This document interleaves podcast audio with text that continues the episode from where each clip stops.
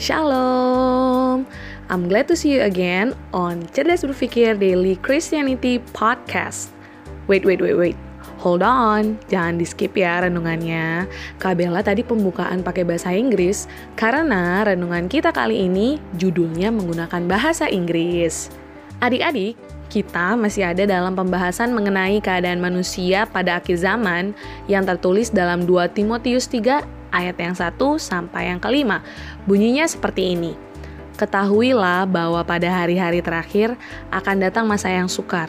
Manusia akan mencintai dirinya sendiri dan menjadi hamba uang. Mereka akan membual dan menyombongkan diri. Mereka akan menjadi pemfitnah.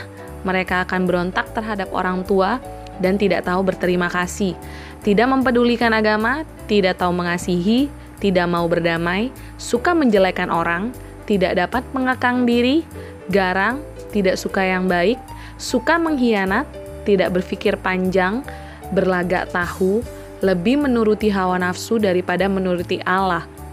Secara lahiriah, mereka menjalankan ibadah mereka, tetapi pada hakikatnya mereka memungkiri kekuatannya. Jauhilah mereka itu. Maksud Paulus adalah supaya kita nggak terpengaruh dengan karakter-karakter yang tadi kakak sebutin. Kemarin, kalian kan sudah dengar pembahasan mengenai duka menjelekan orang. Hari ini, kakak mau ngebahas soal karakter tidak dapat mengekang diri. Judul yang kakak bawakan hari ini adalah self-control. So, without any further ado, kakak akan jelasin lebih detail. Adik-adik, kalimat tidak dapat mengekang diri itu sama aja dengan tidak dapat mengendalikan diri.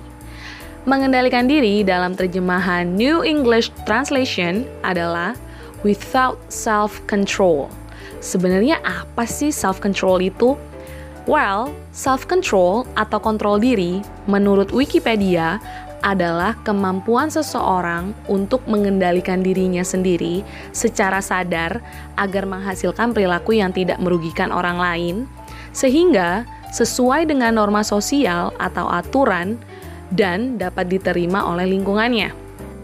Ya, normalnya sih semakin bertambahnya usia seseorang, maka semakin meningkat pula kemampuan dalam menguasai diri. Kemampuan menguasai diri anak usia 5 tahun kan akan berbeda dengan orang yang seusia kalian. Rasa-rasanya seusia kalian sudah harus semakin baik dalam menguasai diri. Karena kemampuan berpikir kalian lebih baik daripada anak usia 5 tahun kan? Kalian juga pasti udah bisa mempertimbangkan. Yang ini baik atau buruk dampaknya nggak ya kalau aku lakukan? Atau kalau aku ngomong ini atau itu, orang sakit hati nggak ya? Kalau aku jawab kayak gini, pas nggak ya? Adik-adik, kalau kita mau jujur ya, kayaknya nggak sedikit orang nggak bisa nguasain dirinya deh.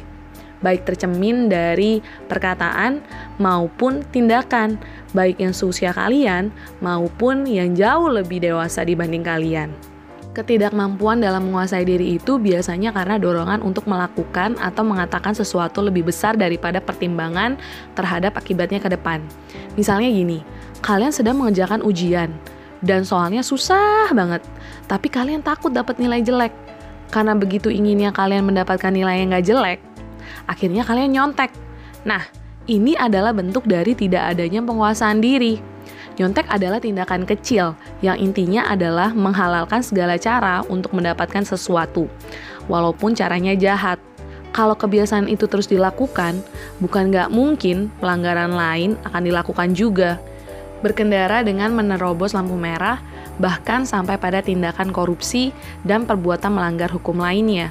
Kalau sama pemerintah yang kelihatan aja kita nggak taat, gimana mau taat sama Tuhan yang nggak kelihatan coba? Ada lagi nih soal perkataan, ngomong kasar atau kotor. Misalnya pas kita marah sama seseorang atau keadaan, kita langsung bilang kata-kata yang tidak seharusnya dikatakan. Emang sih waktu kejadian itu kita sudah emosi banget, tapi harusnya perkataan kotor, apa pun itu jenisnya, tidak semestinya terucap. Dengan kita ngomong kayak gitu, apalagi kepada sesama, keadaan gak akan menjadi lebih baik, justru malah makin buruk. Orang itu bisa sakit hati, kita justru bisa makin marah. Nanti ke depannya, pas kemarahan kita mereda, kalau kita nggak dengan berani minta maaf, keadaan makin buruk. Padahal sebagai anak Tuhan, kita dipanggil untuk menjadi berkat bagi sesama. Makanya, kita harus membiasakan diri kita untuk punya self-control. It's time to pray. Mari kita berdoa. Tuhan Yesus yang baik, kami bersyukur hari ini kami boleh belajar hal yang baru. Biarlah melalui renungan hari ini kami bisa melatih diri kami supaya kami bisa memiliki self control yang baik agar kami tidak dengan mudahnya menyakiti perasaan orang-orang di sekitar kami karena perkataan atau perbuatan yang kami lakukan kurang baik. Tapi biarlah melalui perkataan dan perbuatan kami orang-orang bisa diberkati. Terima kasih Tuhan Yesus. Amin. Alright, tetap sehat, tetap semangat, Tetap jadi berkat ya adik-adik. Tuhan Yesus memberkati. Goodbye.